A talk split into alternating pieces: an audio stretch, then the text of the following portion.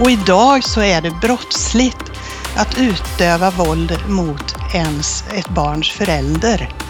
Eh, att låta barnet bevittna våld i hemmet. Hej och välkommen till Svampen.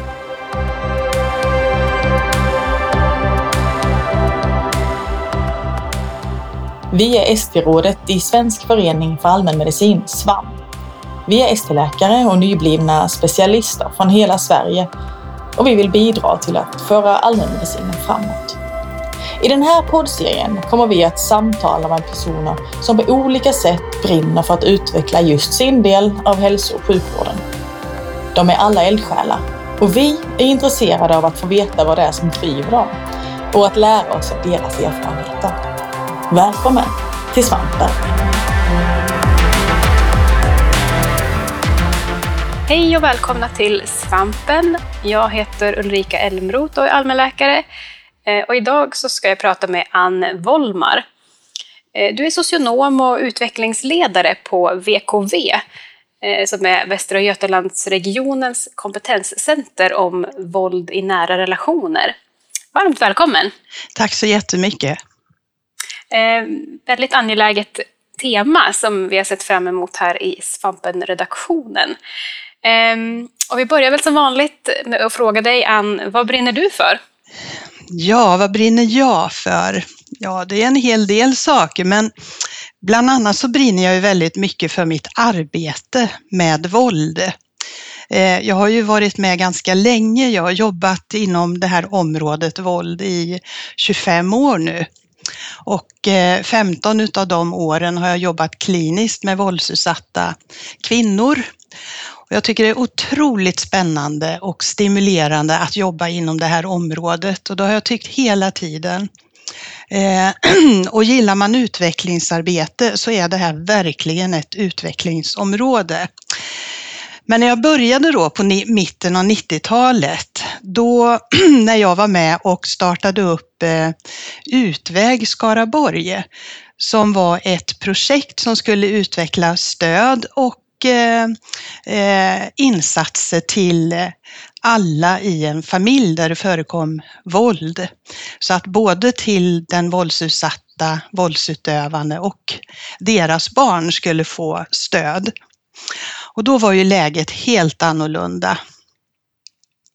Eh, kunskapsluckorna bland alla myndigheter var mycket stora och det saknades eh, kunskap generellt, det saknades forskning, det saknades lagar. Och jag var själv ganska dåligt ins, insatt i hela den här problematiken trots att jag hade jobbat som eh, socionom under flera år. Eh, jag hade mycket fördomar och trodde att jag faktiskt visste vilka som de våldsutsatta kvinnorna var. Eh, det fanns ju ingen litteratur att ta till sig och på den här tiden så fanns det knappt eh, datorer och internet. Så att jag började det här arbetet med att eh, träffa kvinnorna. Och, och, det var där jag fick mitt lärande, att lyssna till kvinnornas berättelser om hur det var att leva med en våldsam man. Och då blev jag helt fascinerad och mina fördomar kom helt på skam.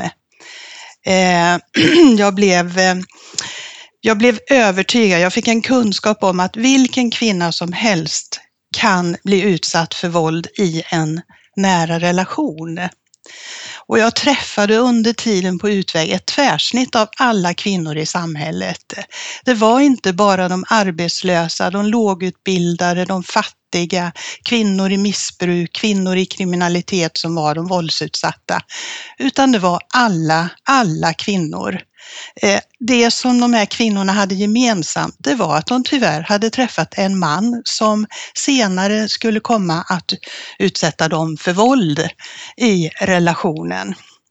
Så att under de här 25 år tiden så har det ju hänt så fruktansvärt mycket. Ändå så har vi ju väldigt mycket kvar att utveckla och lära oss. Det är ju helt oacceptabelt att det i Sverige dör mördas 17 kvinnor varje år. Och det är helt oacceptabelt att det under tre veckor, som det gjorde här i våras, eh, mörd, då var det fem kvinnor som mördades utav sina män eller sambo eller pojkvänner. Så vi har, vi har mycket, mycket kvar. Det finns fortfarande väldigt mycket att eh, utveckla. Och eh, jag tänker på barnperspektivet. Det saknades helt på 90-talet. När vi skulle starta upp Utväg i Skaraborg, då var det ingen som hade tänkt på barnen i de här familjerna inledningsvis. Eh, men det fick vi ju ta tag i ganska omgående. Och idag så är det faktiskt, från och med idag så är det brottsligt att utöva våld mot ens ett barns förälder. Eh, att låta barnet bevittna våld i hemmet när du utövas mot, av en förälder till, mot en annan förälder, det är brottsligt. Man kan tänka att skulle det behöva ta 25 år för att vi skulle vara här, men idag är vi det faktiskt. Så att mm. utvecklingen går framåt. Ja, precis. Vad skönt ändå att höra dig säga det, att det har skett en hel del utveckling sedan du började, men trots all frustration som kan finnas i att eh, det ännu inte fungerar riktigt optimalt för eh, de här personerna. Och det är ju första juli 2021 idag och då kom det en rad nya lagar på området, inte minst det här med barnfrid som du nämnde. Men du har alltså jobbat nästan hela din karriär då på olika sätt kring våld och våldsutsatta.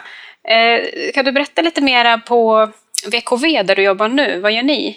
Ja, eh, VKV det är ju Västra Götalandsregionens kompetenscentrum om våld i nära relationer.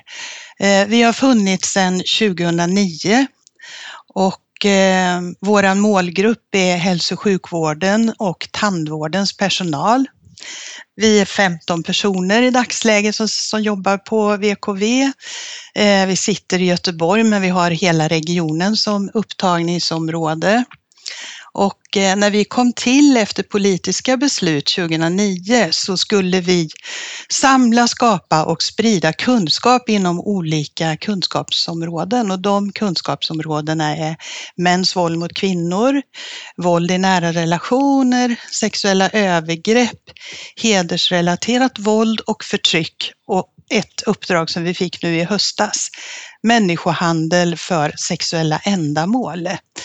Eh, och ett av våra stora eh, uppdrag är ju att vi ska utbilda hälso och sjukvårdens personal och tandvårdens personal.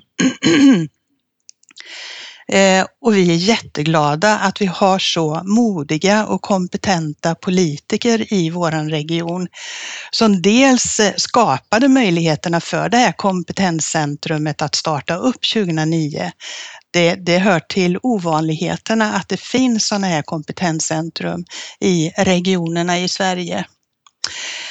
Men eh, de fattade även ett eh, beslut under april 2018 om att all hälso och sjukvårdspersonal ska gå en basutbildning om våld i nära relationer. Och den personal som gör hälso och sjukvårdsbedömningar, de ska gå en metodutbildning om hur man ska ställa rutinmässiga frågor till patienter om deras erfarenhet av våld. Vi har ju hela tiden inom hälso och sjukvården frågat på indikation när vi har misstänkt att en patient har varit utsatt för något. Men det är mycket, mycket svårare, både för personalen och även patienten att få de här eh, frågorna på, på indikation. Att skapa mycket. Dels så måste man ju samla mod som personal och så kan man ju också få reaktioner från patienterna att varför, varför frågar du mig för? Det är betydligt enklare om man har som rutin i en vårdverksamhet att man frågar alla sina patienter. Så det har ju underlättat för oss på VKV, även om vi har utbildat eh, hela tiden ända sedan start. Så att vi metodutvecklar ju nu också för eh, full spruta, höll jag på att säga. Ehm, eh, och i runda slängar så har vi nu utbildat och vi har ungefär 500 verksamheter eller mottagningar som ställer rutinmässiga frågor till sina patienter. Sen har vi också ett uppdrag att ta fram olika styrdokument och, och, så. Vi är ju en expertenhet som ligger under regionhälsan i organisationen så att vi, vi har tagit fram olika regionala medicinska riktlinjer, fyra stycken. En som handlar om våld i nära relationer, som gäller de vuxna. En som handlar om barn som far illa, riskerar att fara illa, inklusive barn som har bevittnat och upplevt våld. Eh, en riktlinje som handlar om sexuella övergrepp och en som handlar om hedersrelaterat våld och förtryck. Eh, och bland oss 15 personer så har vi några stycken som eh, är forskare och Eh, de forskar nu på det dödliga våldet som har varit i Västra Götaland från år 2000 till år 2016. Och, och det gör vi därför att vi behöver bli bättre på att hitta att se signaler och vara lyhörda för att upptäcka de som, som kommer att hamna i den här situationen igen. Vi vet det att eh, många utav de som både har dödats och de som har dödat, de har haft kontakt med hälso och sjukvården eh, ganska kort inpå när det här mordet har skett. Och då är det främst eh, vårdcentralerna som har mött de här patienterna och vuxenpsykiatrin. Så att där behöver vi bli bättre på och det är därför vi håller på och forskar om det dödliga partnervåldet i Västra Götaland. Eh, sen har vi, eh, vi har ju en hemsida eh, som funkar väldigt bra, där vi har väldigt mycket information och mycket material och mycket filmer och, och datum till våra utbildningar och sådär. Eh, Eh, så den är väl värd att gå in och eh, titta på. Eh, den heter www.valdinararelationer.se. Där finns en hel del där man kan botanisera och vi har ju, eftersom vi har ett uppdrag nu att, eh, att ändra arbetssättet från att ställa frågor på rutin till att ställa frågor, eh, från, på, att ställa frågor på indikation till att ställa frågor på rutin så har vi tagit fram en mängd olika material som stöd för personalen och för patienterna. Bland annat så har vi tagit fram en handbok som i stort sett sammanfattar våran metodutbildning. Den kan man beställa och man kan också skriva ut den och då får man hela metoden, både hur man ställer rutinmässiga frågor till vuxna, men även hur vi ställer frågor till barn och eh, deras vårdnadshavare. Vi har eh, affischer som man kan eh, sätta upp i väntrum som signalerar att här ställer vi frågor om våld. En liten förberedelse för patienten som sen kommer in och möter personal som frågar om våldet. Vi har också tagit fram ett frågeformulär som vi kallar för FOV, frågor om våld. Eh, och eh, den har vi i flera olika varianter, men när det gäller vårdcentraler och rehab, eh, då är det att ställa frågor till de vuxna patienter över 18 år. Då är det sju olika frågor på ett papper som man lämnar till patienten som i lugn och ro får besvara de här frågorna.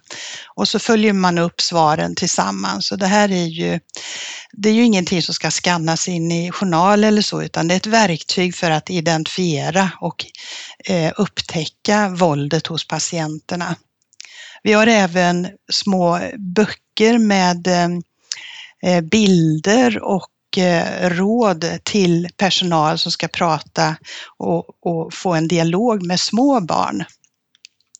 Eh, som man också kan beställa på vår hemsida.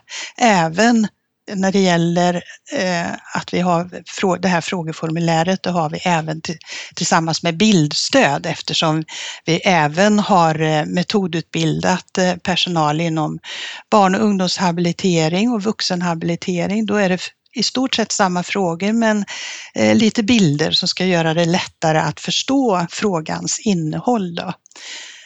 Allt det här ligger på våran hemsida. Jag tänker, det här är en podd för läkare också och ehm, vi har även eh, små filmklipp om skadedokumentation, för det är ju, det är ju väldigt viktigt att dokumentera skador. Och eh, det är små filmer som finns på hemsidan som vänder sig just till läkare som ska dokumentera skador. Ja, det är, jag håller med. Det finns väldigt omfattande material på er hemsida och eh, jag kunde själv inte komma på något mer när jag hade varit där och tittat. Liksom, för det finns allting från vilka diagnoskoder man kan använda till blanketter för orosanmälan, till eh, lagparagrafer man kan hänvisa till med olika typer av brott och sekretessreglerna kring det och hur man kan journalföra och naturligtvis massor om bemötande och omhändertagande och uppföljning av de här patienterna. Så att eh, det är väl värt ett besök, även för de som inte jobbar i Västra Götalandsregionen. Jag antar att det som ligger på er hemsida är fritt för alla att gå in och titta på. Ja, det är det. det är det. Och vi har fått väldigt eh, stort nationellt intresse för just det här frågeformuläret, FOVEN. Eh, och eh, det är fritt att använda den, bara man har den i sin helhet. Där det även är med att, eh, att det är VKVs logga som är med där. Men den kan man använda. Och den håller vi på att validera nu. Och eh, och, och, den har vi ju även använt egentligen ända sedan 2013 då vi hade ett projekt med vårdcentraler och rehabmottagningar. Men sen har vi eh, ja, granskat och vänt och vritt på orden i de här frågorna och så. Så att eh, vi vet också att de fungerar med patienter. Just det, och det fanns på olika språk och så också? Ja, vi har dem på 12 andra olika språk också. Sen har vi också eh, någonting som vi kallar för genväg till forskning. Eh, så, där vi har sammanfattat olika aktuella eh, avhandlingar som har skrivits, eh, som ofta består utav eh, ja, tusentals sidor på engelska. Då har vi låtit eh, andra forskare korta ner de här olika avhandlingarna till att bli ungefär 11 till 16 olika sidor och de är på svenska. Jag tror vi har en 16 olika stycken som ligger på vår hemsida också. Ja, vad bra. Ja, det kan ju vara lite mastigt att ta till sig forskningsmaterial ibland. Ja, det kanske inte är det första man sätter sig i fåtöljen och läser när man kommer hem efter en stressig arbetsdag. Inte alla, men en Nej. del kan nog tycka att det är avkopplande. Jag vet inte. Eh, men jag tänkte på en sak. Ehm, eh, en del av våra lyssnare kanske dragit öronen åt sig lite grann när man pratar om det här med att fråga alla rutinmässigt. Mm. Eh, mycket av vårt arbete brukar ju vara lite så här att man vill göra en individuell bedömning och individanpassa utifrån den man träffar och sådär. Men eh, kan du utveckla lite mer kring det där, vad man har att vinna på att eh, faktiskt göra det här till en del av sin rutin? Ja, ehm, det här ser ju lite olika ut då, men i de verksamheter som ställer rutinmässiga frågor. När det gäller mödrahälsovården, där frågar man ju alla gravida kvinnor. Inom barnhälsovården på alla BVC, där frågar man nu också alla mammor som kommer till BVC. De får de här sju frågorna som de besvarar. Sen går man igenom svaren. Eh, där har vi också ett projekt där vi har inkluderat pappa partner som också får frågor om våld nu. Eh, inom BUP, vi har eh, några verksamheter, några BUP-verksamheter, några barn och, och BUP-verksamheterna, där frågar man alla barnen, alla föräldrar, vårdnadshavare. Eh, vi har några barn och ungdomsmedicinska mottagningar. De frågar eh, vissa utvalda diagnoser på barnen. Eh, men vi har också barn och ungdomshabiliteringen och vuxenhabiliteringen där man frågar alla patienter. Eh, vi har just nu och sen förra året en breddimplementering utav eh, alla våra vårdcentraler och rehabenheter. Och där har vi eh, valt ut vissa diagnosgrupper för att det ska bli en rimlighet i det hela. Och det var faktiskt fyra stycken läkare som 2013 eh, i det här Fråga på rutin-projektet satte sig ner och funderade över vilka grupper eh, ska vi fråga för att det ska bli rimligt? Mm. Och då kom vi fram till att man ska fråga alla som är långtidssjukskrivna mer än fyra veckor, patienter som söker för psykisk ohälsa, patienter som söker för en långvarig eller diffus smärtproblematik, eh, som söker för skador, trauman och som också är mångsökare. Eh, det är de vi vet kan ha bärighet på erfarenheter av våld. Mm. Och eh, vi vet ju också det här att patienter vill få den här frågan om våld. Och, man, och patienter berättar sällan spontant om sina egna erfarenheter. Och det är heller inte säkert att de sätter sina symptom och sin ohälsa, eh, att de kopplar det till sina erfarenheter utav våld som de har haft under barndomen, eh, med sexuella övergrepp kanske, eller att de har levt eller lever i en relation där de utsätts för våld.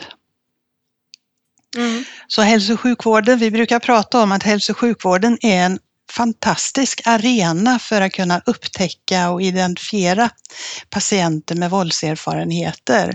Och det är verkligen ett förebyggande arbete att ställa frågor på rutin. Det ger ett starkt signalvärde ut till patienter att aha, hälso och sjukvården tycker att det här är, att det är allvarligt och eh, de frågar efter våldet. Så även om, om man ställer en fråga till patienten och inte får kanske ett sanningsenligt svar, så vet vi nu av olika berättelser från vårdcentraler att patienter har svarat nej. Sen har de gått därifrån och nästa gång de har kommit tillbaka till vårdcentralen så har de berättat om att de har levt i en relation men att de har lämnat den relationen. Just det. Ja, det är ju fantastiskt i så fall att den frågan har lett till sådana liksom, stora steg. Ja. Ja, och jag kan tänka mig också att om man eh, är nedbruten på olika sätt, kanske tänker att ja, men det här kanske inte ens är våld, att man inte tänker på det eller tänker på att man förtjänar det ändå eller sådana saker. Att man inte Ja. riktigt eh, tänker på att ta upp det.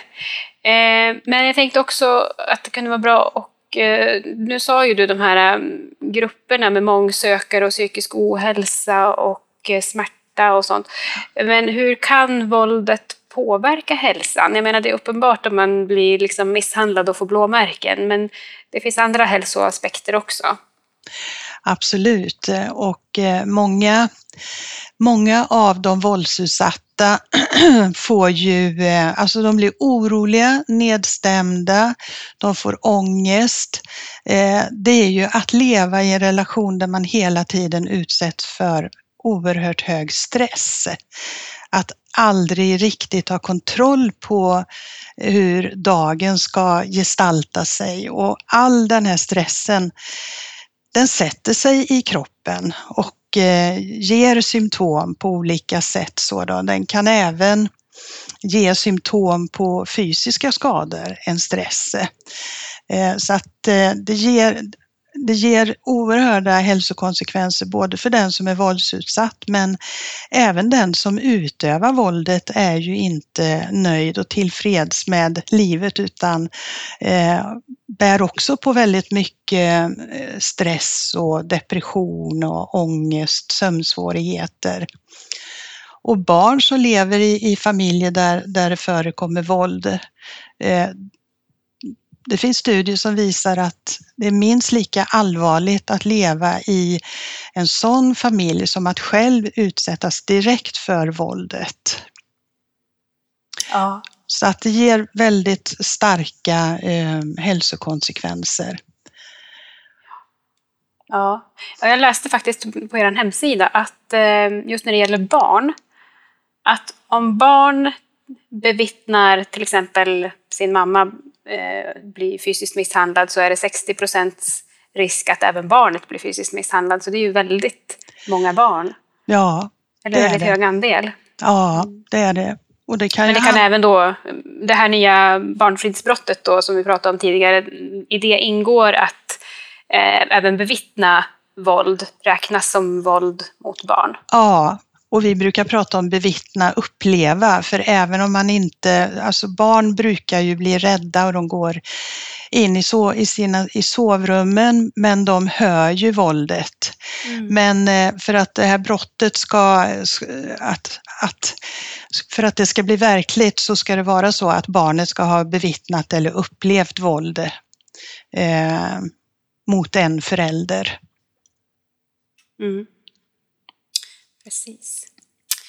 Eh, men vi kanske skulle gå in lite grann på vad det finns för olika typer av våld. Mm. Många tänker kanske automatiskt på fysiskt våld, att man blir slagen eller knuffad eller biten eller så, men eh, det finns andra typer av våld också. Eh, kan ja. vi prata lite om det? Ja, absolut. Och eh, det är jätteviktigt att definiera vad våld är därför att eh, när man pratar om våld generellt sett, det gäller ju i allmänhet och det gäller ju även patienter som lever i en relation med våld, att då tänker man på det här fysiska allvarliga våldet. Eh, och eh, och tänker att ja, så farligt är det inte i min relation. Jag har ju aldrig blivit slagen med en knytnäve jag har ju aldrig blivit sparkad på när jag har legat ner. Eh, så att det är jätteviktigt och det är ju det sådana saker som vi också lär ut i vår metodutbildning. Eh, men våld Våld kan ju förekomma i alla olika slags relationer.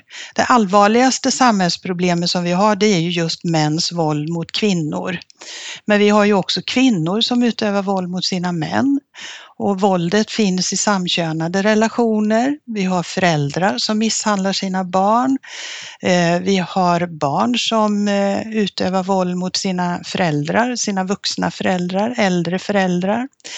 Och det finns ett syskonvåld som vi kanske inte pratar om så mycket men som också kan vara väldigt allvarligt. Eh, men det som jag fick med mig från mina 15 år i utväg, det var ju kvinnor som berättade att ja, det här, om man lite slarvigt får kalla det för det fysiska vardagsvåldet, alltså inte det våldet som en del kvinnor som utsätts för väldigt, väldigt starkt hot och liksom eh, jätteallvarligt fysiskt våld, men att få en örfil, att bli knuffad på, eh, det, säger, det sa kvinnorna unisont att eh, det våldet, det ger blåmärken. Men det går över ganska snabbt. Men det här psykiska våldet, att bli hotad, att bli förnedrad, eh, trakasserad, att bli kallad för fula ord, att dagligdags få höra att man är en hora, att man är en fitta, att man inte, att man inte klarar av någonting, att man inte duger ingen kommer att tro dig. Och det här när man blir utsatt för makt och kontroll och begränsningar och isolering. Det sa de, det ger blåmärken i själen och det har svårt att läka. Så det var många gånger det som upplevdes som allra svårast. Men då, ska man inte, då, då får vi inte glömma bort kvinnor som lever under väldigt, väldigt starkt hot och väldigt, väldigt allvarligt våld. För det ger ju också det kan ju ge PTSD-syndrom när man har varit med om upplevelser när man har blivit, eh, alltså, eh, när man har blivit stryptagen så att man tänker att eh, är det så här det ska sluta? Och upprepade grova våldtäkter som man har varit utsatt för kan ge PTSD-syndrom. Men alltså fysiskt våld, det kan ju också vara väldigt komplext. Det är ju allt ifrån att man kan bli biten, att man blir riven, dragen i håret, att man bränner, man skakar eller knuffar. Men så kan det ju också gå till örfilar, knytnävsslag, slag med olika tillhyggen, knivstick, sparkar och stryptag. Och, och den yttersta konsekvensen är ju död. Det är ju mord. Eh, och det kan vi se i vår forskning att eh, män som, är, eh, som har ett kontrollbeteende där är risken för allvarligt eskalerande våld och även den extrema mord, död. det är den största risken. Alltså för kvinnor som lever med en kontrollerande svartsjuk man som säger att jag vill lämna dig nu, då ökar risken. Eh, så det får man eh, ta i beaktande så när man har kontakt med de här kvinnorna. Mm. Sen har vi ju ett sexuellt... Ja, får jag bara säga, så då ska man liksom inte peppa dem så här, jo, lämna honom idag, utan man kanske ska säga att hon ska göra det under lite mer planerade former så att hon har något tryggt ställe att komma till, eller? Ja, alltså det är ju det enda som en kvinna kan göra för att bli av med våldet eh, egentligen. Det är ju att lämna den som utövar våldet. Även om våldet sen, även efter en separation, kan fortsätta i form av hot och trakasserier och så. Men eh, man kan, vi kan se det att eh, eh, det här allvarliga våldet, det sker i samband när en kvinna lämnar mannen. Så då. Eh, så att, eh, och, och då, kan, då får man ju prata om det här med säkerhet och kanske planera eh, hur man ska göra och eh, kanske också ta hjälp av eh, andra när man ska berätta att nu kommer jag att lämna dig så. Mm. Sexuellt våld ingår också och det är ju olika former utav sexuella handlingar som man blir tvingad till. Titta på porrfilm, eh, bete sig som de gör i porrfilmen, eh, att bli tvingad till att ha sex. Eh, att man, man blir utsatt för sexuellt kränkande språk hela tiden. Och i många av de här relationerna där det förekommer våld så, så pågår det både ett fysiskt, ett psykiskt och ett sexuellt våld samtidigt. Sen har vi också försummelse, att det är, man kan prata om att man kan försumma barn, man utsätter barn för försummelse, att, att de inte får sina primära behov tillgodosedda i form av eh, kläder, mat, Eh, kärlek, eh, stimulans, men det kan ju också handla om att man försummar personer som är äldre, som är funktionsnedsatta, att den som är utsatt inte får hjälp med sin mat eller medicin eller hygien. De kanske inte får hjälp att komma ur sängen eller hjälp med toalettbesök. De förhindras att komma till eh, läkare på vårdcentralen för att följa upp sin sjukdom.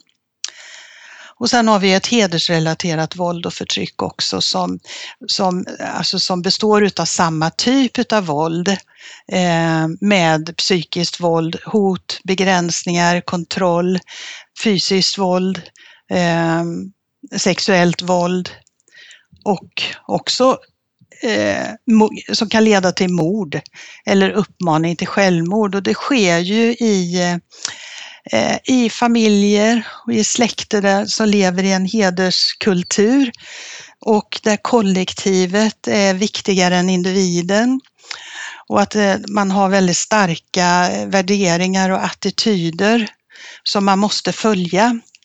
Och, eh, och, några av de starka normerna är ju kyskhetsnormen och att flickor och kvinnor ska vara orörda fram till äktenskapet. Eh, men det handlar ju också om att man, att man får inte ha en normbrytande sexuell läggning, man får inte ha en normbrytande funktion, för då kan det dra skam och vanära över familjen och då behöver man eh, utöva det här våldet mot den som, som eh, bryter mot normerna för att man ska upprätta familjens heder helt enkelt. Och i det här hedersrelaterade våldet ingår ju också kvinnlig könsstympning, barnäktenskap och tvångsäktenskap. Så att våldet är väldigt, väldigt komplext. Eh, så det behöver man kort, kort definiera för patienterna innan man frågar om våldet. Så. Just det. Mm. Eh, kan det också handla om eh, materiella lite mer så hotande saker? Ja, alltså i det här, man kan säga att i det här psykiska våldet, där finns det en mängd olika underkategorier där man kan prata om ett materiellt våld. Eh, och det kan ju vara ett materiellt våld som, eh, som innebär att eh, man förstör saker som är väldigt betydelsefullt för den våldsutsatte. Eh, det kan vara fotografier, det kan vara prylar, sånt som betyder väldigt mycket och ehm, alltså där syftet är att skada, att kränka och förnedra den våldsutsatta. Sen kan man prata om ett ekonomiskt våld också. Det kan ju vara att Ehm, den som är våldsutsatt i relationen får stå för alla eh, avtal, får stå för ehm, skulderna på huset, på bilen, på båten och där syftet är liksom att binda den våldsutsatta i relationen så att hon förstår att eh, ehm, jag kommer inte att klara mig ekonomiskt om jag ska leva själv. Och sen har vi också ett, ett, eh, ett, ett våld som sker mot husdjur. Mot katter och hundar och barnens eh, kaniner och marsvin. Alltså många gånger i de här relationerna så i synnerhet barnen söker ju väldigt mycket tröst i husdjur. Mm. Och eh, det är inte alls helt ovanligt att eh, den som utövar våldet åker iväg med hunden och jaktgeväret och kommer tillbaka utan hunden. Eller där man till och med kan eh, döda de små husdjuren inför barnens ögon. Och det är också ett sätt att visa sin makt och skrämma. Ja, fy, det är fruktansvärt. Ja. Sen ser ju det här våldet lite olika ut beroende på alltså, när det utövas. Eh, det finns ju våldsutövare som enbart rikta det här våldet mot eh, sin partner eller sina, sina nära anhöriga. Sen finns det ju personer som, eh, eh, som utövar det här våldet mot andra personer och sin partner och barnen. Så det ser ut på olika sätt.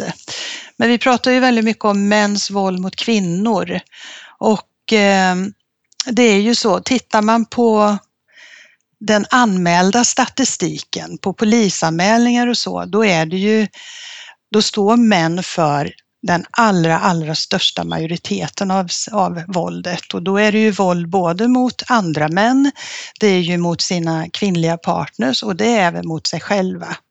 Mm. Men om man, om man tittar på de Eh, självupplevda eller de olika omfångsundersökningar som, eh, som vi har gjort i Sverige så svarar egentligen både kvinnor och män på liknande sätt att de har varit utsatta för lika mycket våld. Men om man tittar nogare på, och analyserar de här svaren så visar det sig att, att eh, män behöver sällan uppsöka sjukhusvård. De är inte lika stora konsumenter utav läkemedel. Eh, och de är inte heller rädda för eh, sina kvinnliga partners som då utövar ett våld. Och de, de män som, som berättar om att de själva är utsatta för våld, de har i större utsträckning själva utövat våldet. Så att vi vet det, att kvinnor, det är de som får eh, det allra grövsta Eh, skadorna och som behöver söka sjukhusvård och som har en betydligt högre läkemedelskonsumtion än kvinnor som inte lever i en eh, relation med våld. Eh, och kvinnor är många gånger jätterädda för männen som utövar våld och som, där det finns väldigt mycket hot om. Och, och, och kvinnor då kan man tänka sig att eh, det här våldet som ändå kvinnor utövar, det fysiska, att det kan handla om ett försvarsvåld. Ett sätt att eh, försvara sig eller eh, visa på motstånd, hur fel det är att använda våld i en nära relation. Mm. Eh, så antingen så är det, om man nu ska generalisera, män som slår eh, kvinnan eller också slår de varandra eller slår och slår. Men... Ja, ja, alltså, ja, alltså män är de som utövar det grövsta och allvarligaste våldet i vårt mm. samhälle. Eh, men när, när män och kvinnor berättar om det självupplevda våldet så, så är det ungefär samma typ av våld som de beskriver att de, de, har varit utsatta för. Men om man analyserar det här våldet så ser man att, eh, att det skiljer sig åt. Att det är kvinnorna som drabbas av det grövsta och allvarligaste våldet. Det är de som får söka sjukhusvård för sina skador. Det är också de som har en högre läkemedelskonsumtion. Och när det gäller männen så visar det sig att de de får inga skador, de behöver inte söka sjukhusvård, de är heller inte rädda för sin eh, våldsutövande kvinnliga partner och de är i allt större utsträckning också eh, utövare utav våld. Mm. Så att det våldet som kvinnor uppges ha utövat kan vara ett motståndsvåld, mm. att de försvarar sig. Precis. Men då kan det också vara att det räcker egentligen med eh, själva hotet om våld eh, för att hon ska liksom känna sig så rädd för att, så att liksom sköta sig eller vad man ska säga. Ja, det gör det. Och där kan man prata om ett latent våld.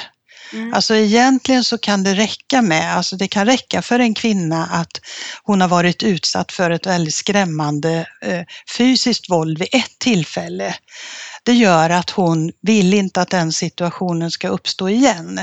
Så att hon anpassar sig efter mannen och försöker liksom att eh, eh, undvika hans ilska och aggressioner och, och eh, försöka komma undan att det leder till fysiskt våld på nytt.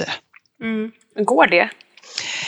Eh, det kan gå. Alltså vi har berättelser eh, där, där man har pratat med eh, barn till exempel och där barnen berättar att eh, nej, men pappa han, han slår inte. Ehm, han slår inte mamma och mig. Eh, det gjorde han för några år sedan. Ehm, men nu räcker det med att vi ser hans blick för att vi ska bli duktiga och tysta och lydiga. Så att det kan få en sån effekt också, men som regel så brukar det här fysiska våldet också eskalera över tid, tyvärr. Så att det är jätteviktigt att, eh, att man upptäcker det här våldet på ett så tidigt stadium som möjligt så att man kan sätta in insatser för behandling, stöd och insatser, eh, behandlingsinsatser. Ja, om man då har snappat upp det här då när man sitter med sin patient på vårdcentralen, vad eh, gör man då? Ja, för det första så ska man ha beställt de här hjälpkorten som vi också har tagit fram i det här arbetet med att ställa rutinmässiga frågor. Och det är ju ett litet visitkort som man kan dela ut till alla patienter oavsett vad de har svarat. Eh, och, och där finns det uppgifter om vart man själv kan vända sig. Eh, men vi har ju också ganska mycket eh, bra hjälp att få i våran region.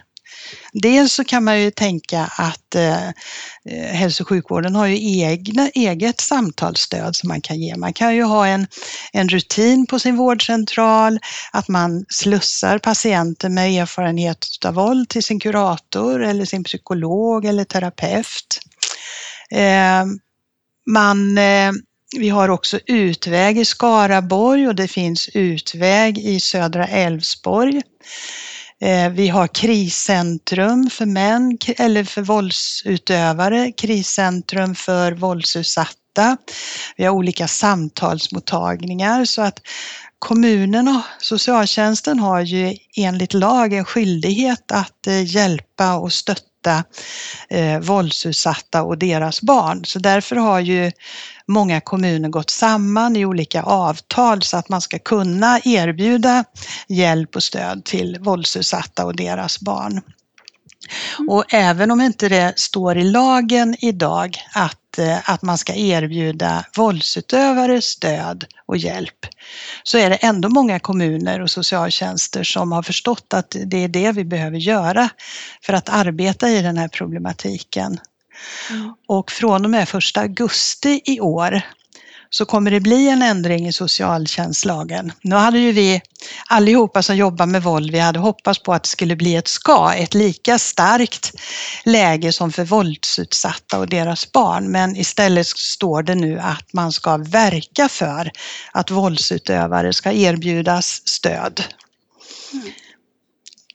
Och det är eh, ja, ändå frivilligt från ja, förövarens sida? Ja, all, all behandling är frivillig. Sen har ju kriminalvården har ju för dömda män, där erbjuder de ju olika, jag tror att de har tre olika program eh, för behandling utav våldsutövare.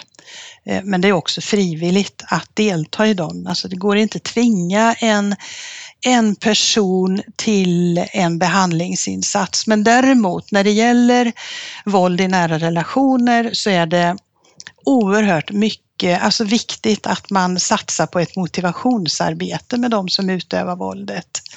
Mm. Att man kommer in tidigt när det är som är lättast att eh, nå en förändring och, eh, och att man eh, att man, att man pratar med de våldsutövande om våldet, ansvaret för våldet, sådana saker. Mm. Vet du någonting om prognosen för förövarna att förbättras?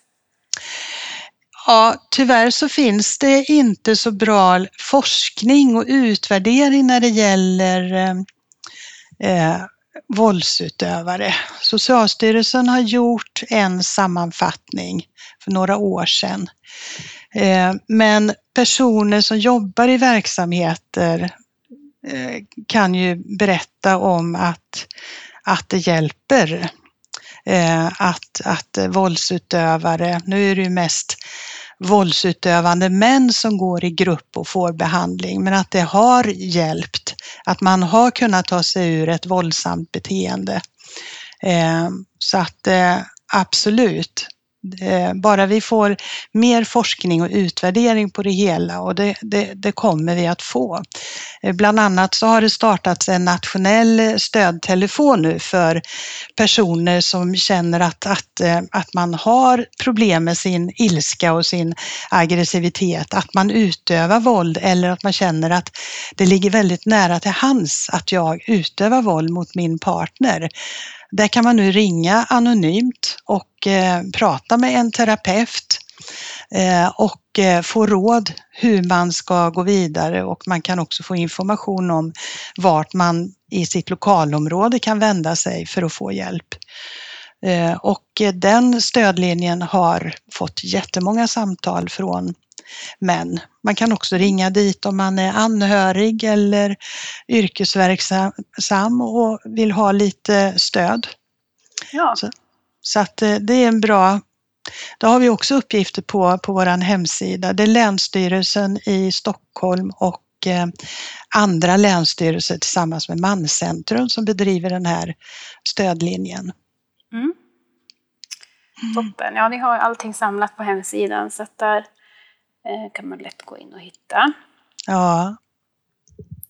Eh, ja, och det finns väl en del nationella stöd också. Du nämnde de här regionala och eh, kommunala som ni hade i Västra Götalands eh, området. Men nationellt finns det väl också så här kvinnofridslinje, om man tänker till offer, offer igen. Så, och det finns kvinnojourer, finns det väl i alla ja. kommuner? Va? Ja, alla kommuner är ju skyldiga att kunna hänvisa till något skyddat boende så. Och hänvisa till någon kvinnojour. Eh, och så att det finns ju en hel del hjälp och det finns även ett nationellt kompetensteam på Länsstyrelsen i Östergötland när det gäller det hedersrelaterade våldet och förtrycket mm. Eh, som riktar sig till de yrkesverksamma dit man kan ringa och eh, rådfråga om man misstänker att man har en patient som är utsatt för hedersrelaterat våld och förtryck. Och det, det ökar, alltså de här samtalen de ökar hela tiden och det handlar ju om ju mer kunskap vi inom hälso och sjukvården får, desto mer använder vi oss utav de stöd och behandlingsinsatserna som finns, att vi hänvisar dit och så. Mm. Och det, det, det, ingår i våra utbildningar också, för att man ska våga ställa som personal rutinmässiga frågor om våld. Då måste man ju först och främst ha en grundläggande kunskap om våldet, hur det ser ut i de här relationerna och hur det påverkar personerna som både utövar och utsätts för våldet. Men man måste också veta, vad gör jag med svaret? Vart kan jag hänvisa? Det är jätteviktigt. Så mycket i vår metodutbildning handlar ju om att vi behöver trygga eh, personalen. Mm. Jo, för det är väldigt många saker som ställs på sin spets. Eh, eh, till exempel då om eh, patienten man träffar väljer att eh, lämna sin förövare och eh, då allt från boende till, mm, ja inte vet jag, vårdnadstvister och vad det nu kan vara. Eh, men om vi skulle ta och zooma in lite mer om det som handlar mer om just eh, sjukvårdens uppgifter mm. så kan det ju vara lite praktiska omständigheter vid, alltså man behöver tänka på just när man sitter där på vårdcentralen. Ja, vi var inne på det lite tidigare så här med bemötande och hur man eh, samtalar med, eh, om man nu tänker offer i första hand. Mm. Ja, eh, och då är det ju viktigt att, eh, att man bekräftar patienten som börjar att berätta om sin våldserfarenhet, både den som är utsatt och den som utövar våldet att det är bra, att det är ett första steg mot förändring och att, och att man också tror, i synnerhet på den våldsutsatta som då har vuxit upp eller är i en relation där hon hela tiden har hört att ingen kommer tro på dig. Att man faktiskt eh, tror på patienten. Eh, det är också oerhört viktigt att man frågar om det finns barn med i relationen. Eh, både egna barn, umgängesbarn, andra barn ehm, och att man då har kunskap och att man har lokala rutiner på sin vårdcentral om hur gör vi när vi gör orosanmälningar till socialtjänstlagen. Ehm, det är oerhört viktigt och det är också sånt som vi lär ut på våra utbildningar. Eh, det är också viktigt att eh, veta hur man ska dokumentera. Nu har ju de flesta i vår region, de har ju journaler som man kan läsa via 1177 hemma. Mm. Och eh, då får man vara medveten om att eh, man ska använda olika KV-koder.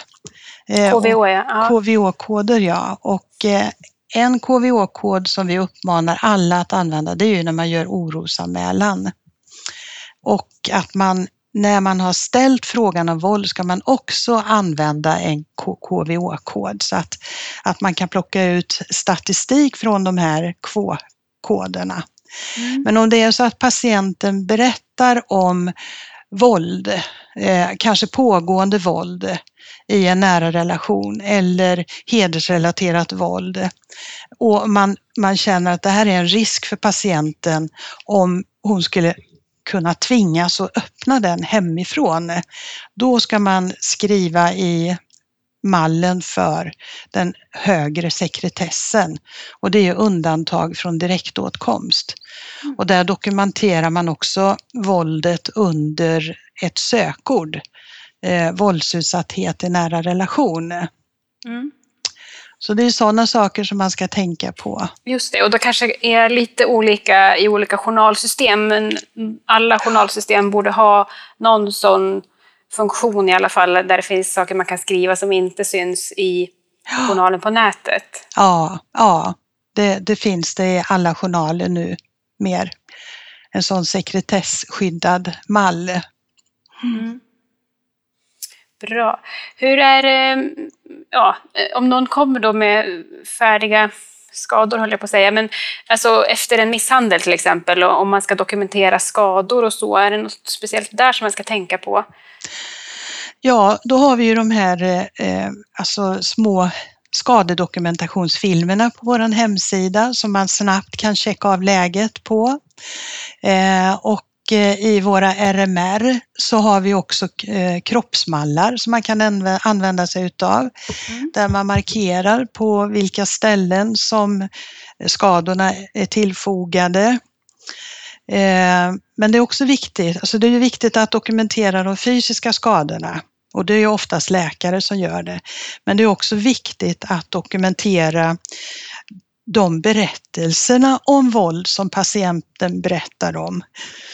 Det är också viktigt att eh, dokumentera patientens känsloläge. För allt det här ligger ju som grund, alltså det, det är ju ur ett rättssäkert perspektiv. Och många gånger är det ju så att eh, det man har dokumenterat eh, Låt tänka då att, att man träffar en patient som har fysiska skador efter en misshandel då dokumenterar man skadorna och sen pratar man ju också om att det här är faktiskt ett brott som du har varit utsatt för. Det är någonting som du kan polisanmäla. Det är inte acceptabelt. Ehm, och patienter säger nej, nej, jag vill absolut inte polisanmäla det här. Det är inte helt ovanligt att ehm, efter ett halvår, ett år, så blir den personalen uppringd av polisen som säger att eh, nu har vi fått in en anmälan här om våld och, och den personen berättar att han eller hon har varit hos dig och berättat och dokumenterat de här skadorna. Det är jätteviktigt ur eh, ett utredningsperspektiv eh, för polisen att ha den dokumentationen. Mm. Så att det är jätteviktigt att eh, dokumentera det. Man ska vara noggrann. Ja, och likaså kanske inte heller är så ovanligt att om patienterna berättar om om våld, erfarenheter av våld och sen säger patienten, men det, det här får du absolut inte dokumentera i min journal. Mm. Då är det ju så att vi har ju faktiskt en ganska stark skyldighet att dokumentera. Ehm, och då är vi ändå tvungna att dokumentera det här våldet. För har patienten så att säga valt att vara patient eh, så är patienten patient och då måste vi som personal dokumentera allt som är viktigt. Mm. Eh, men man kan göra en anteckning då i journalen att man har dokumenterat det här mot patientens vilja. Mm. Mm. Och under det här hemliga sökordet då kanske? Ja, det kan man också göra. Om det är det som är anledningen menar jag? Ja, att de inte ja. vill att det ska eh, synas i journalen. Mm. Ska man eh, hjälpa patienten att göra polisanmälan? Hur mycket ska man liksom lägga man sig ju, i?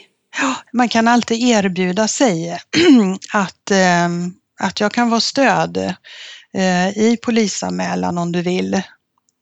Och likadant är det ju när det gäller att hänvisa, om, om man får en berättelse om att det finns erfarenhet av våld, eh, så att eh, när det gäller barn och man blir väldigt orolig över att det här, det här måste jag nog kontakta socialtjänsten direkt, eh, att man kan ringa dit och allra helst be att de kommer direkt till vårdcentralen eller till mottagningen och, och eh, att man gör den här anmälan eh, muntligt och sen skriftligt.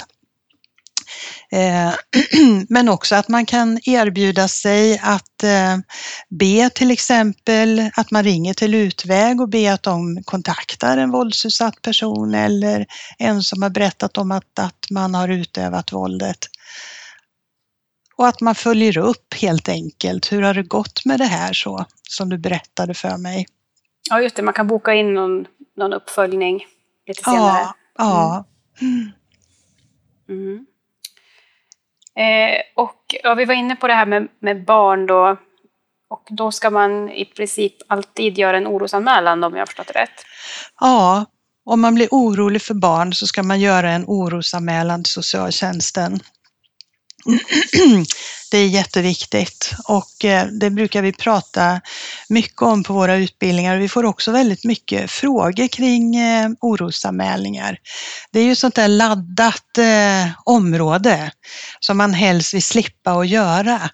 Men här måste vi faktiskt tänka på barnens rätt i första hand, barns skydd.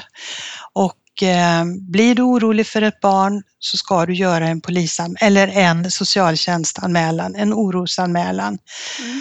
Och det är vi skyldiga till. Där kan vi aldrig liksom komma undan den plikten. Och eh, vi kan som personal, vi kan heller aldrig göra fel. Alltså det är inte så att vi måste veta att det här har skett. Vi behöver inte ha några bevis, utan eh, det är det som socialtjänsten ska ta reda på. De, deras skyldighet är att utreda barns skydd, behovet av skydd. Mm. Och när det, när det gäller barn och, och de har varit utsatta för våld, då kan vi också göra en polisanmälan. Därför att socialtjänsten och polisen har ju två olika ingångar. Eh, socialtjänsten ska utreda, utreda barns beskydd, eller behov av skydd och polisen ska snabbt in för att säkra eh, spår, spårsäkra helt enkelt. Och det är bra att båda de instanserna kommer in så fort som möjligt. Just det, och då, eh, hur är det med sekretessen då om man gör en polisanmälan? Ja, vi har, när det gäller eh, brott mot barn så har vi alltid en möjlighet att polisanmäla. Vi har ingen skyldighet, men vi har en möjlighet som vi sällan använder oss utav. Och så när man pratar med polis och åklagare så uppmanar de oss att eh, ta kontakt med oss och göra en polisanmälan. När det gäller vuxna som är utsatta för brott som kan ge minst ett års fängelse och då är det ju väldigt, då är det ju många gånger väldigt grova eh, brott det handlar om. Då har, vi, då har vi heller ingen skyldighet, men vi har en möjlighet att anmäla till polisen mot patientens eh, vilja. Men vi har ingen skyldighet, men vi har en möjlighet. Mm. Mm. Eh, men då ska och det ska jag säga också att det är alltid, eh, alltså, det finns alltid en möjlighet att konsultera både socialtjänst och polis och åklagare. Men då ska man göra det avidentifierat, annars blir det en anmälan. Men är man osäker, är man osäker på jaha, vad, vad, hur allvarligt är det här våldet egentligen, då kan man alltid konsultera polisen eh, avidentifierat. Ja, precis. Det är ju smart. Man behöver inte rabbla personnumret det första man gör, Nej. utan man kan beskriva brottet och så kan de säga om det är tillräckligt grovt. Pre precis. Mm. Ja. Eh, men om vi går tillbaka till det här med barn lite till, för där är det ju inte bara då liksom fysiskt våld, utan det kan vara försummelse och ja, men, sådana saker som gör att man kan bli orolig också.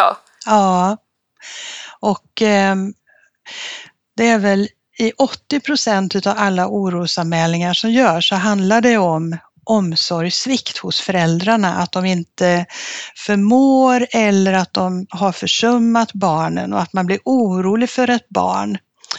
Och då ska man ju oftast informera föräldrarna.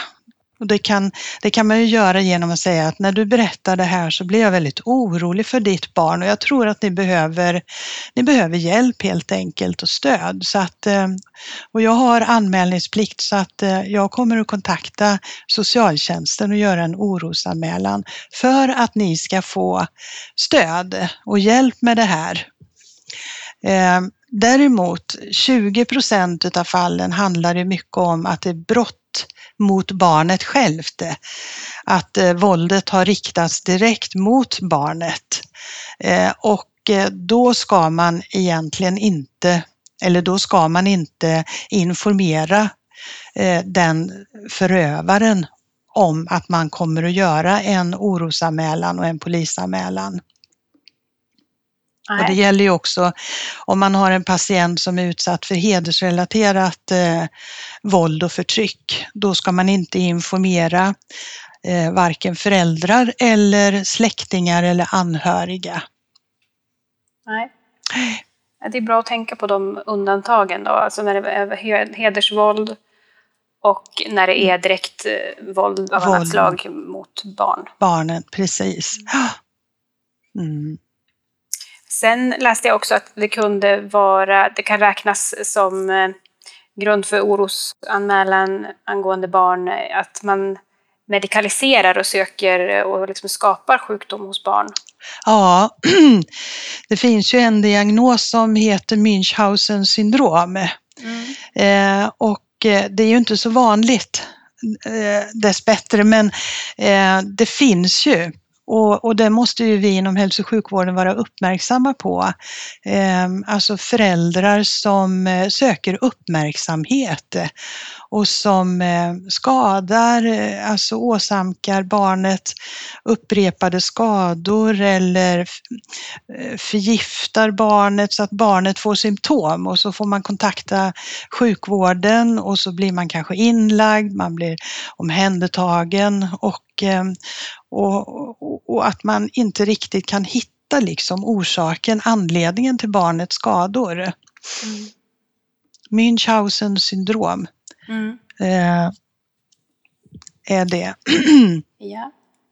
ja, det finns många saker att fördjupa sig i, eh, men tiden börjar ju bli lite knapp också. Jag tänkte att vi skulle prata lite grann om det här med skyddade personuppgifter också, för det är ju sånt som kan ställa till med lite krångel eh, på vårdcentralen och man kan behöva tänka lite extra kring det. Ja. Eh, dels är vilka är det som får skyddade personuppgifter överhuvudtaget? Ja, det är ju personer som är utsatta för hot, för eh, våld, för trakasserier. Och det finns eh, tre olika eh, nivåer utav skyddade personuppgifter. Och den lättaste eller den lindrigaste är ju om man får en sekretessmarkering. Och, och det innebär ju att ja, när man ska, om, man blir man får upp en, en signal om att eh, i det här ärendet ska du inte lämna ut någon information eller tänk på om det är värt att lämna ut informationen. Så. Det är väl den som man använder i första hand. Eh, sen finns det ju någonting som heter eh, folkbokföring. Då får man en ny adress som bara skattekontoret känner till. Eh, och eh, då kan man inte, eller då blir det svårare att eh, leta efter den personens adress och få tag på den personen. Det är ju en allvarligare markering. Men det handlar ju också om att eh, den personen som har den här folkbokföringsmarkeringen eh, måste ju också själva ta ett stort ansvar, alltså som att inte gå med i några lokala föreningar, att inte visa sig och vara aktiv på internet. Och ofta är det ju så att den personen som har den här markeringen, alltså finns det andra personer i familjen, finns det barn, så, så måste de också leva under de förhållanden. Och det, det är ju jättesvårt för de personerna att, eh, att leva ett vanligt liv. Verkligen. Eh, att inte berätta om sin historia, att inte vara med på klassfotograferingar, att inte kunna ha ett ICA-kort eller ett Coop-kort eller sådana saker som gör att man kan identifiera dem. Mm. Och sen den tredje, och, och, det, och sekretessmarkeringen och kvarskrivningen, det är skattekontoret som beslutar om de sakerna. Eh, och sen finns det den, den allvarligaste, det är ju fingerade personuppgifter. Då får man ju en helt ny identitet. Och då är det bara polisen som kan fatta ett sådant beslut. Och då får man ju, man får lämna sin tillvaro, man får eh, säga upp bekantskapen med alla som man har haft en samvaro med, alltså både anhöriga, vänner, arbetskamrater. Man får hjälp med att hitta på en ny identitet. Så att det är ju ganska få fall som den här eh, skyddade person det är ganska få fall som man mm. använder sig av den möjligheten. Just det. Ja, men det är ganska krångligt för de här patienterna i alla fall, eller de här personerna. Och eh, om de dyker upp eh, så kan man tänka det i bakhuvudet i alla fall, att har man fått eh, någon grad av skyddade personuppgifter på grund av hot och våld så har man varit med om en hel del i alla fall. Ja, absolut. Och är fortfarande då sannolikt. Och är fortfarande ja, för det här kan ju upphöra om saker och ting förändras, blir tryggare och lugnare. Eh, men det finns riktlinjer, det finns rutiner för hur, man, hur vi inom hälso och sjukvården ska hantera personer med skyddade personuppgifter. Men vi kan ju också ändå eh, göra enkla rutiner på våra arbetsplatser. Jag tänker att om man kommer till en mottagning och man sitter i ett väntrum så kommer det oftast någon personal eller det är någon sekreterare som ropar upp att eh, Ann Wollmar, Istället så kan man när man kommer till eh, receptionen få ett nummer mm. och så kan man ropa upp det numret istället. För man vet ju inte, det kan ju finnas eh, personer som lyssnar och som känner igen och som ger information vidare. Eller det skapar ju i varje fall ett stressmoment för den personen som har skyddade Verkligen. uppgifter om sig. Ja, och det är så himla lätt hänt också. Det gäller verkligen så många steg, för det kanske inte är den personen som bokar som sen ska träffa patienten. Och ja. Om man har kommit överens om att man ska ropa upp något visst annat namn eller annat siffra ja. eller vad det nu är, så betyder, behöver den informationen följa med bokningen och att man tittar ja. på det innan man... Ja, där eh, krävs det nog verkligen att man går igenom sina rutiner eh, på vårdcentralen så att alla gör likadant. Absolut. Och där har ju ni också en färdig mall för rutiner om man vill göra sina egna lokala mm. rutiner. Ja, den finns ju i alla våra RMR. Mm. En lokal rutin, alltså hur man ska hantera den här problematiken som chefen på verksamheten är ytterst ansvarig för, men som man kan gå igenom i hela personalgruppen. Alltså, eh, vilka ska vi fråga? När ska vi fråga? Vart kan vi hänvisa till? Man kan skriva ner lokala telefonnummer. Eh, hur ska vi handlägga en eh, orosanmälan? Vilka ska skriva under? Ska chefen alltid göra det tillsammans med den som har hört eller sett någonting? Eh, så att eh, det finns mycket stöd i den mallen för en lokal rutin. Och det är ju också så att eh, vi, vi, vi som har tagit fram de här RMR på VKV, vi har också ett uppföljningsansvar så att vi kontaktar alla verksamheter efter två år och frågar då hur ser er lokala rutin ut? Eh, så att eh, det är ju väldigt positivt. Då får vi en kontakt med verksamheterna. Vi kan också ge stöd till hur man kan eh, använda sig utav den lokala rutinen och hur man ska formulera den så då. Ja, vad bra. Ja. ja. ja. Är det något annat som du tycker att våra lyssnare kan ha nytta av? Ja, jag tänker så här att eh, om det nu är eh, många läkare, ni är ju jätteviktiga i, eh, i det här arbetet att ställa rutinmässiga frågor till patienter.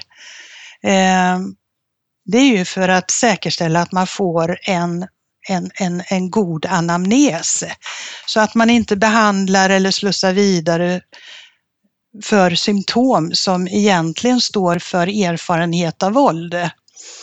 Ehm, och ehm, så att eh, ni är en jätteviktig grupp inom alla verksamheter som, som behöver få in det här som rutin i ert arbete.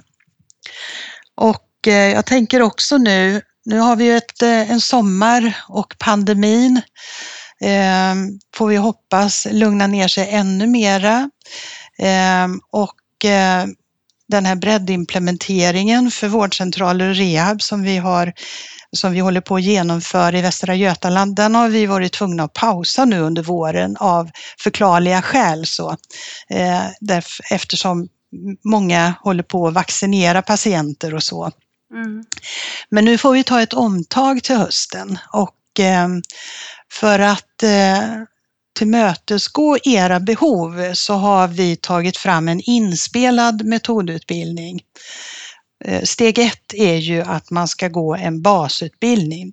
Där har vi ju olika alternativ att välja på. Dels en inspelad basutbildning som NCK, Nationellt centrum för kvinnofrid, har tagit fram som man kan gå när som, antingen enskilt eller i grupp. Och vi på VKV vi erbjuder flera basutbildningar under hösten nu, webbsända liveutbildningar. Det är, nummer, det är ju steg ett som man ska gå för att få en, en grund. Men sen kan man alltså välja den här metodutbildningen som är inspelad. Den kan man gå när man vill och man kan göra den i moduler, man kan även gå den enskilt.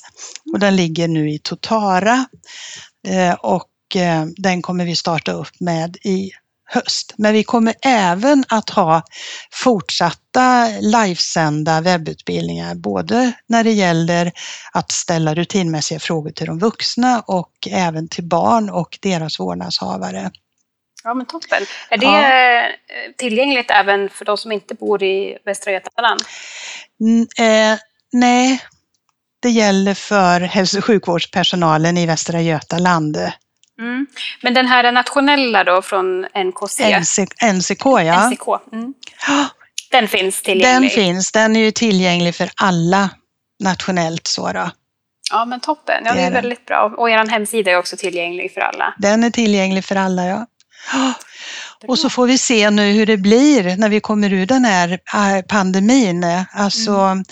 Eh, man befarade ju från början att äh, anmälningarna om våld i nära relationer skulle öka under den här isoleringen, för vi har kunskap om att under kristider, under pandemier, så ökar våldet eftersom mm. det är lättare att kontrollera, det är lättare att isolera och begränsa Eh, Eh, men vi har, vi har inte sett att anmälningarna har ökat, varken när det gäller polisanmälan eller orosanmälan.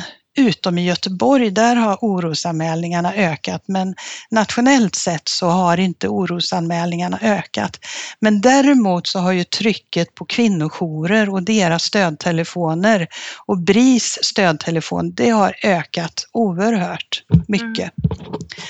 Så att man förväntar sig nu att det ska bli en, en, en effekt när vi kommer ur den här par, eh, pandemin och restriktionerna luckras upp. Att det blir det bättre? ja, att det är många som kommer vilja eh, upphöra med sina relationer där det har förekommit våld, som man kanske inte har haft möjlighet under Nej, alla dessa restriktioner. Mm. Ja, det är det också, man ska ha någonstans att bo och ta vägen. Ja, ja visst. Mm. Ja, men desto större skäl att eh, uppmärksamma de som behöver vår hjälp. Ja, att vi, att vi tänker på det mm. när vi kommer tillbaka efter semestern. Mm, precis. Ja, det blir väl bra avslutande ord. Eh, tusen tack för det här jätteangelägna och intressanta samtalet, Ann Wollmar. Tack för att jag fick vara med.